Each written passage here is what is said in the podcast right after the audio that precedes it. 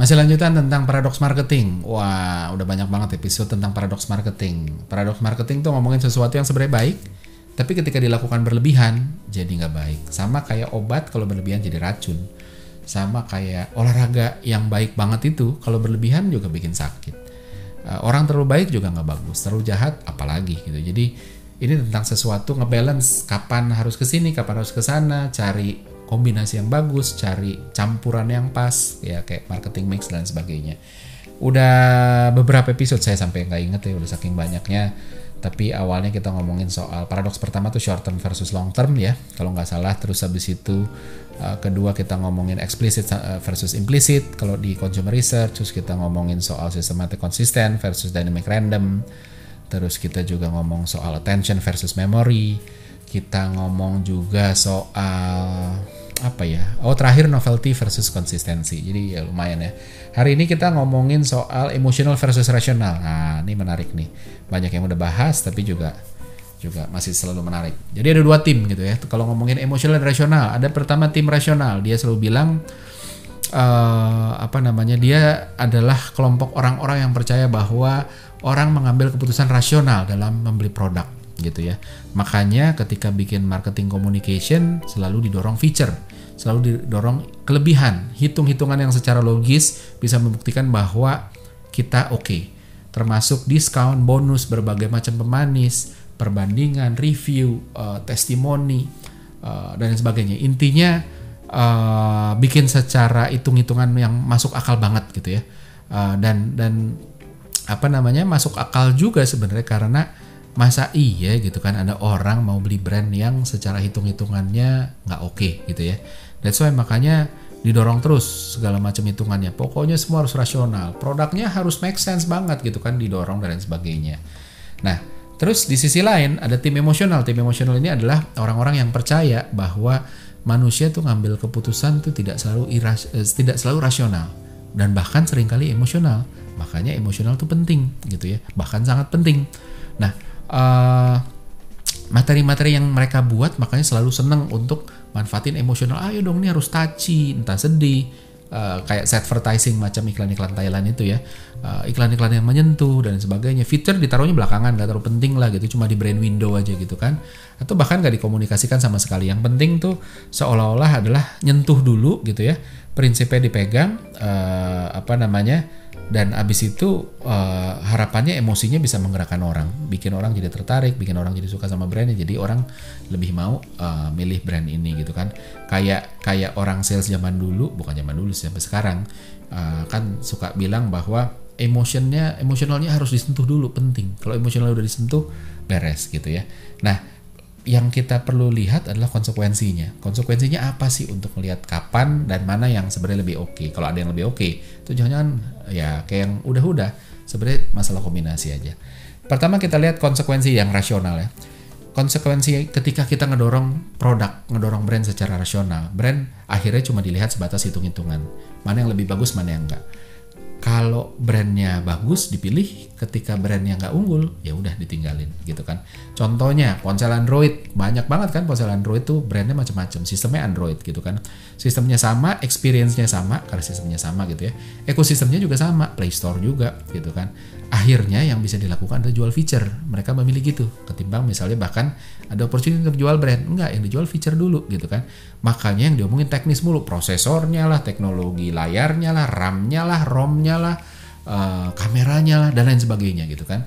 Uh, diskusinya selalu ke arah sana. Dan ketika teknologinya kalah sementara harganya mahal ya udah ditinggal. Ah enggak ini enggak menarik. Enggak bukan pilihan yang menarik.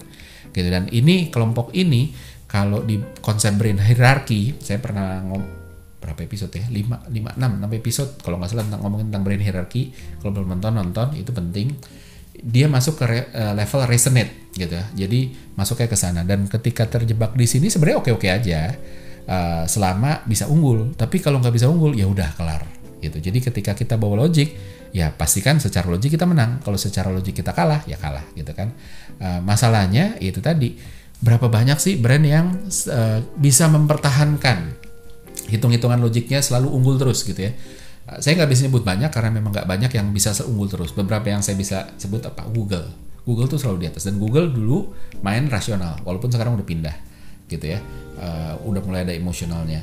Terus Indomie gitu kan. Indomie uh, ini menarik. Indomie sebenarnya ya ngomongin mie kan susah ngomongin rasional. Ngomongin paling enak tuh kan susah. Dan makanan rasa tuh nggak bisa dijelaskan secara rasional gitu. Tapi Indomie secara produk unggul terus. Jadi ketika ketika dia bermain di produk unggul ini ya udah aman gitu ya. Dan karena dia juga emang unggul nggak ada yang nggak ada yang ini dia dan bukan cuma orang Indonesia ya. Orang Australia, orang Afrika, orang Inggris segala macam juga pada suka gitu kan. Uh, dan menariknya bahkan Apple Apple aja uh, itu nggak bisa di atas sebenarnya kan. Jadi kalau Google tadi kita bisa bilang mungkin Google masih paling di atas dan selama ini nggak pernah disusul. Indomie juga gitu ya. Apple tuh nggak selalu paling di atas. Paling nggak misalnya di sisi kamera. Zoomnya kalah sama Samsung dan lain sebagainya lain. Berbagai macam tes juga nggak menempatkan Google paling atas gitu kan. Tapi itu tadi konsekuensinya ketika rasional, ketika dia ngedorong Google anyway bukan masuk router rasional ya. Google tuh sebenarnya sisi lainnya, sisi emosional. Tapi nunjukin ketika nggak unggul ya udah akan siap. Tapi ketika unggul ya dia bisa bertahan. Nah yang emosional gimana konsekuensinya? Pertama ya dia bisa menyentuh dia bisa diingat dia bisa create good feeling gitu kan. Dia bisa viral gitu kan. Tapi juga bisa lupa brandnya gitu. Karena apa? Ketika kita dorong emosional gitu ya orang bisa terbawa emotion tuh ada emotion spectrum dan ada emotion spectrum yang negatif. Negatif tuh bukan berarti habis itu dia apa ya bukan berarti itu habis itu dia jelek ya tapi negatif tuh dalam arti energinya itu cenderung membuat dia lebih kalem gitu ya sehingga dia tidak terdorong gitu. Jadi bikin iklan sedih contohnya itu salah satu contoh yang energinya negatif. Karena ketika kita sedih kita cenderung untuk ya udah deh ya udah deh gitu loh. Kita nggak nggak nggak detail lagi kita nggak memilih lagi gitu kan. Jadi itu salah satu contoh yang uh, negatif. Contoh lengkapnya sebenarnya di buku saya tuh uh, bahas tentang emotion dan lain sebagainya gitu nah terus habis itu uh, bisa jadi ngedorong emotion kalau ramuan yang nggak pas itu nggak ngedorong penjualan. Karena biasanya fiturnya ya emosi udah dibangun terus tiba-tiba kita ngomongin harga. Pecah emosinya kan bubar gitu ya. Jadi memang agak sulit untuk uh, mengkombinasikan ketika udah masuknya dengan emosi gitu kan. Nah walaupun kalau kalau untuk ngomongin soal brand image ini bagus. Akan dipersif sebagai brand yang peduli gitu kan. Contohnya ya advertising Thailand lah semua yang ini. Tapi balik lagi kalau kita lihat dari berbagai macam iklan-iklan sedihnya Thailand yang kita ingat berapa? Ingat nggak brandnya? Atau setidaknya ingat nggak sih kategorinya apa gitu kan? Uh, saya yang saya ingat cuma satu Thai Insurance. Dah itu doang. Yang lainnya saya nggak ada yang ingat gitu ya. Uh, tapi apakah itu membuat saya pengen beli? Ya bukan bukan Thai Insurance saya. Kalau iklan asuransi di Indonesia ada yang begitu apakah itu membuat saya pengen beli? Rasanya enggak gitu. Sejujurnya ya. Jadi emang tidak semudah itu juga. Nah pendekatan ini juga berisiko ketika brand awareness-nya masih rendah. Ketika sebuah brand brand awareness-nya masih rendah, terus main emosional, jadi nggak diingat, nggak appeal karena emosional itu segitu powerful sehingga pada akhirnya orang juga akan ngelihat ini yang ngomong siapa. Kalau ada messenger effect, kalau yang ngomong ini bukan sesuatu yang dipandang, yang udah punya modal bagus, akhirnya juga nggak jadi apa-apa gitu. Akhirnya nggak jadi apa ya. Uh, nggak nggak nggak nggak apa ya bisa bisa nggak dapet apa-apa lah kasarnya gitu ya. Dan ini juga emotional approach itu balik lagi nggak bisa dijadiin satu-satunya approach. Jadi memang harus dikombinasi gitu. So baiknya gimana gitu kan? Baiknya yang pertama adalah uh, itu tadi balik lagi kan uh, suka orang suka bilang oh udah hit emotionnya aja. Kalau emotionnya udah kena emotion ini nggak harus sedih-sedihan ya gengsi segala macam itu emotion. Ketika emotionnya udah kena rasionalnya jadi nggak perlu gitu. Orang akan wah udahlah kayak sapi dicocok hidungnya ngikut aja ke mana aja gitu kan. Nah uh, saya nggak begitu setuju sama itu gitu kan. Saya setuju bahwa emosional penting tapi selalu ada logik yang support dia di belakang. Gak bisa emotion jalan sendiri. Tapi logik jalan di depan tadi juga ada risiko yaitu tadi ketika secara logis kita kalah ya kalah gitu. Jadi emotion juga ya tadi ya nggak harus disediakan bisa angkat gengsi. Bayangin ya contoh gini ya untuk membuktikan bahwa emotion itu penting geng, contohnya gengsi gitu ya. Tapi dia baru bisa jalan ketika supportnya kuat. Contohnya adalah misalnya uh, kita jualan brand, uh, uh, brand mobil gitu ya. Tahu sendiri lah mobil tuh suka ngomongin gengsi gitu kan brand-brand mobil yang udah premium premium wah kita mau mainnya gengsi high di emotion gitu ya tapi fiturnya aja minim gitu ya terus brandnya nggak keren, nggak ada lebih-lebihnya, horsepowernya rendah, desainnya gitu-gitu aja, gimana mau gengsi gitu. Jadi emotionnya sulit untuk terbangun karena rasional tidak support gitu loh. Jadi itu. Nah dan kita ngelihat brand-brand yang gede yang main emosional ada Nike, ada IKEA, ada Apple, ada Harley, ya. Empat brand ini semuanya nggak malu-maluin secara di sisi rasionalnya.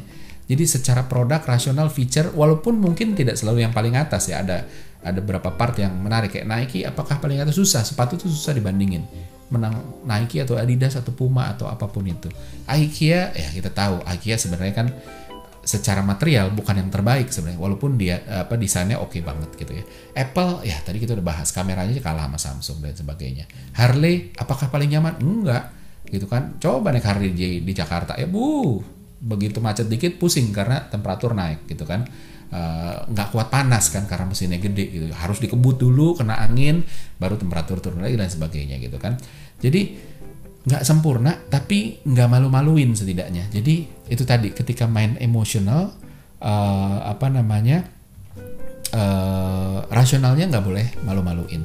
Nah sebaliknya ketika kita dominan dengan logis itu juga bahaya ya. Uh, ini kalau dijelasin panjang lebar tapi coba lihat ke episode tentang ngomongin social norm dan uh, market norm. Kenapa diskon itu bisa berbahaya buat brand? Waktu itu saya ngomongin bahwa ketika orang ditarik jadi perhitungan itu ya orang nggak bisa bawa balik lagi ke social norm. Contohnya waktu itu yang saya kasih contoh misalnya kita mau ngedate gitu ya sama istri udah lama nggak ngedate nih anak titip deh di mertua gitu terus kita pergi ngedate sama istri makan malam berdua pulang terus habis itu kita uh, jemput anak-anak di rumah mertua. Terus kita tanya sama mertua jadi berapa nih saya harus bayar untuk jagain anak? Kan bakalan digampar nggak sama mertuanya? Itu tadi karena itu social norm. Nggak bisa dicampur sama market norm gitu kan. Sebaliknya juga sama gitu kan. Kita berbisnis gitu ya sama temen gitu ya which itu market norm. Terus habis itu kita bilang ya udahlah gue nggak usah bayar kan kita teman gue juga sering bantu lo ya nggak bisa juga digampar. Jadi dua itu susah dicampurkan. That's why makanya ketika kita ngomongin logis ngomongin market norm ngomongin itu hitungan rasional akhirnya nanti susah ditarik balik lagi gitu kan. Nah jadi harus ngebalance rasional nggak perlu dominan gitu ya. Uh, tapi ada standarnya gitu kan. Nggak perlu jadi yang nomor satu secara rasional tapi ada standarnya harus dipenuhi ada thresholdnya. Abis itu kita bisa apa ya bisa kasih sentuhan-sentuhan emosional gitu kan. Bahkan bahkan kalau logisnya kuat kalau rasionalnya udah kuat sebenarnya kesempatan untuk nggak ngomong rasional lagi gitu kan. Justru kesempatan ketika rasional kita nomor satu kita punya pilihan amat sangat kuat untuk nggak ngomongin rasional lagi. Justru mainnya ke emosional. Contohnya siapa? Singapore Airlines. Kurang kuat apa rasionalnya gitu kan? Servisnya paling bagus makanannya paling enak pesawatnya baru on time. Semuanya lah gitu. Kalahnya cuma harga doang harganya mahal gitu. Tapi sisanya oke okay gitu ya. Tapi kapan Singapore Airlines ngomongin rasional? Jarang dia lebih banyak ngangkat sisi emosional. Begitu juga BMW Mercedes gitu kan teknisnya kuat experience mumpuni horsepower gede gitu ya dengan sisi yang sama. Tapi dia nggak pernah ngegembor-gemborin teknologi. Ya ada paling cuma buat penghias saja tapi intinya ngomongin soal kebanggaan soal kenikmatan berkendara sheer driving uh, pleasure kan katanya si BMW dan sebagainya. So orang lihat dari apa yang dia omongin orang dilihat dari apa yang dia omongin. Maksudnya ketika apa ya orang kaya tuh udah nggak ngomongin harga lagi nggak ngomongin wah cari duit susah enggak gitu orang kaya beli apa ya beli aja dia nggak nggak ngomongin harga jadi sama ketika kita ngomongin teknis artinya justru kita belum mumpuni di teknis itu. Ketika kita ngomongin rasional, artinya kita belum mumpuni di rasional itu. Gitu. Nah kalau udah udah mumpuni di rasional, nggak usah ngomongin itu justru kesempatan untuk kita bisa ngomongin sesuatu yang termasuk emosional tadi gitu kan. Nah uh, brand pun juga sama itu tadi gitu ya. Jadi bukan cuma orang brand juga sama. Ketika brand kita kuat secara rasional, kesempatan untuk masuk bermain-main di emosional sehingga dua ini bisa ngebalance. Jadi bermain terlalu emosional tanpa support rasional berbahaya sekali, nggak akan jadi apa-apa. Bermain rasional tanpa emosional nggak sustain dan bahaya banget. Dua ini harus balance dan takarannya harus pas gitu. Kapan kesempatannya muncul, mainin dua ini secara uh, proporsi yang benar gitu.